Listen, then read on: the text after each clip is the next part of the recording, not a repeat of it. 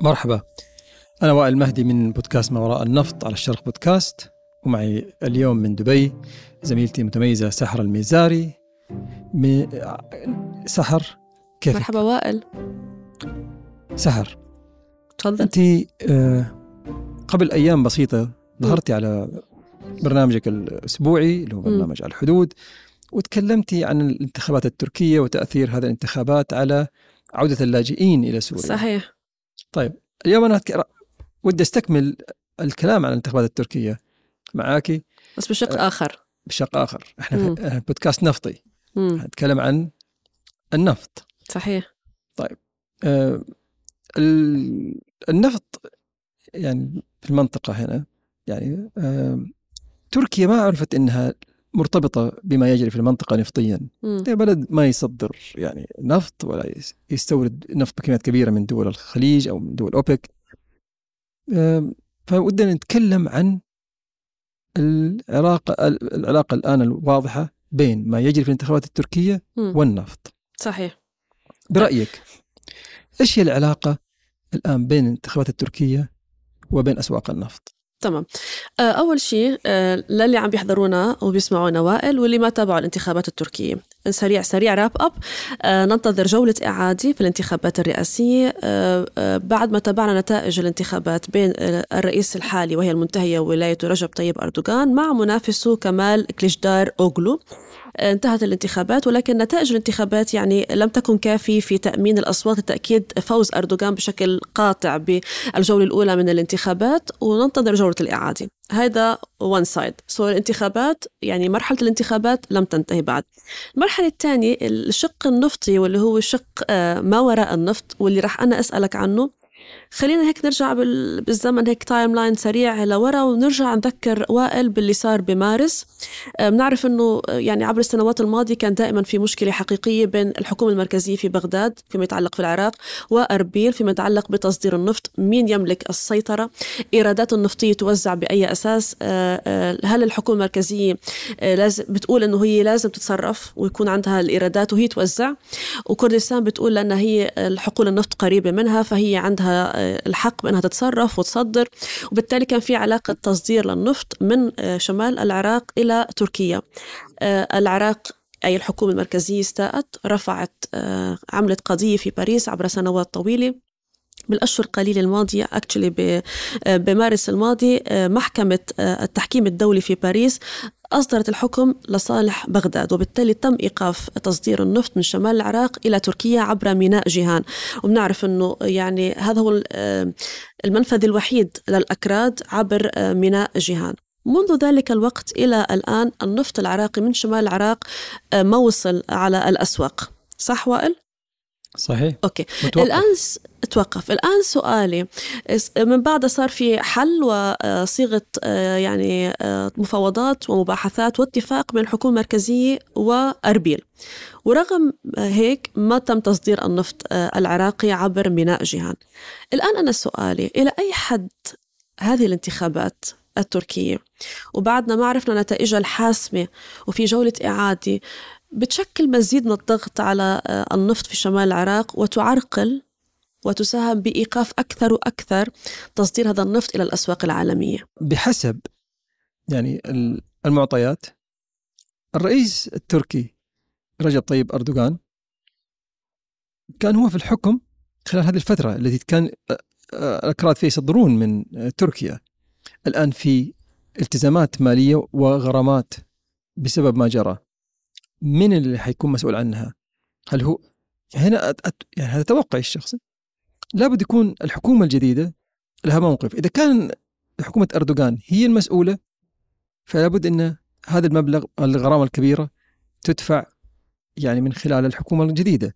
إذا إذا كانت حكومة أردوغان. إذا كانت حكومة أخرى فأتصور أن هذه الحكومة راح تحاول أنها ما تدفع غرامات لحكومة سابقة.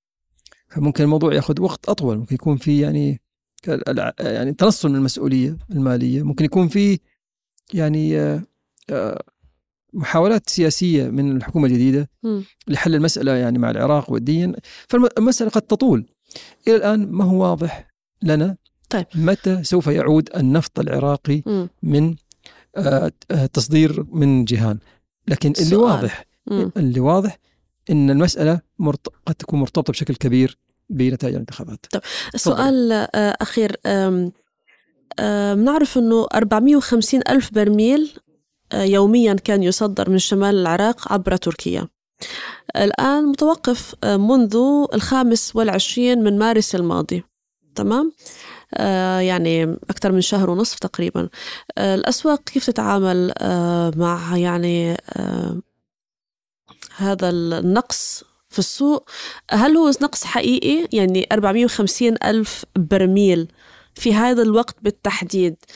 كيف ينظر له واستمراره إيه. لفترة يعني نحن ما بنعرف إمتى رح يرجعوا يستأنفوا التصدير. شو عقباته؟ نعم. شوفي هو ال ال 450 ألف برميل كانت في الغالب تذهب إلى أوروبا إلى المصافي الأوروبية. مم. الآن هل هل هناك طريقة لتعويض هذه المصافي الأوروبية؟ يبدو أن ال- السوق ما تأثر بشكل كبير لأنه لا زال في فائض في السوق يعني في وفي نفط يأتي لأوروبا من أماكن مم. مختلفة. لكن متى ما يبدأ يكون السوق أضيق م- يعني تايت أكثر من هو هو الآن 450 ألف راح تأثر بشكل كبير جدا مم. متى ما تحسنت نظرة الاقتصاد العالمي الآن الأمور يعني أسعار النفط متراجعة بسبب الاقتصاد العالمي لكن لما تتحسن النظرة يكون في زيادة في الطلب في الأشهر القادمة خصوصا مع اقتراب دخول الشتاء. مصافي في أوروبا راح تحتاج 450 ألف برميل هذه. مم. ولابد أنها تأثر على الأسعار في فترة ما. ممكن مو الآن تأثير فوري. نحن ما شفنا تأثير يعني فوري ل 450 ألف برميل يوميا. لكن نرى التأثير في الأشهر القادمة عندما ير يعني يعود الطلب إلى مستويات عالية. وعندما تبدأ أوبك بلس في يعني تقليل مخزونات آه، عفوا تقليل آه، صادراتها إلى السوق لأنها بدأت مم. الآن في مايو الواحد من مايو في آه، تصدير بكميات أقل السوق إلى الآن ما رأى تأثير هذه ال- ال- الصادرات أو القرار اللي اتخذ بتخفيض يعني مم. الإنتاج الطوعي طيب. آه، فمتى ما يبدأ السوق يشوف شح في في المعروض؟ سؤال 450 ألف أخير. راح تفرق معه. سريع سريع سريع سريع. آه، كنا تابعنا تصريحات لوزير النفط العراقي بيحكي وبيقول فيها إنه يعني الاجتماع المقبل آه، لأوبك بلس قد يشهد تخفيض. رجعنا سمعنا تصريحات تانية لا، إنه قال ما راح يشهد تخفيض. ما راح يشهد تخفيض. لا. طيب. التحليلات بتقول إنه أوبك في اجتماعها المقبل قد تخفض لأنه الأسعار ما زالت منخفضة. هاي تحليلات. إذا خفضوا العراق كيف راح يتصرف؟ آه، وزير النفط العراقي كان واضح. قال العراق ما عنده إمكانية تخفيض أكثر من. التخفيض اللي قدمه. طيب. اوريدي العراق خسران 450 ألف برميل. طيب. هذه اوريدي 450 ألف برميل من حصته الأساسية. طب لما نح... و- لما لما أوبك إذا أوبك قررت تخفض إذا قرروا يخفضوا آه رح تكون كمان تخفيض طوعي وبالتالي تقدر العراق تقول إنه أنا أصلا عندي مشكلة في شمال العراق وما عم نصدر 450 ألف برميل آه نعم، وبالتالي نعم، في الغالب نحن ما, ما. دخلنا. نعم في الغالب هذا اللي راح يصير أو كذلك هذا أحد الحلول الت- التقليدية عند أوبك. مم. هذه الخفض, الطوعي يتحول إلى جزء من الاتفاق الرسمي. آه وهذا ممكن. هذا أحد الأسباب الدعوة إلى عقد اجتماع حضوري في يونيو بحيث أنه الكل يتكلم عن تحويل الخفض الطوعي إلى جزء من الاتفاق وبتصير تصير هذه الكميات كميات رسمية وليست خفض طوعي. طيب. قد يكون هذا السيناريو. في هذه الحالة كل اللي خفضته العراق إلى اليوم حيتحول إلى ال- إلى حصات الر- الرسمية وبالتالي يمكن ما يكون في مجال لتخفيض إضافي أكثر. مهم.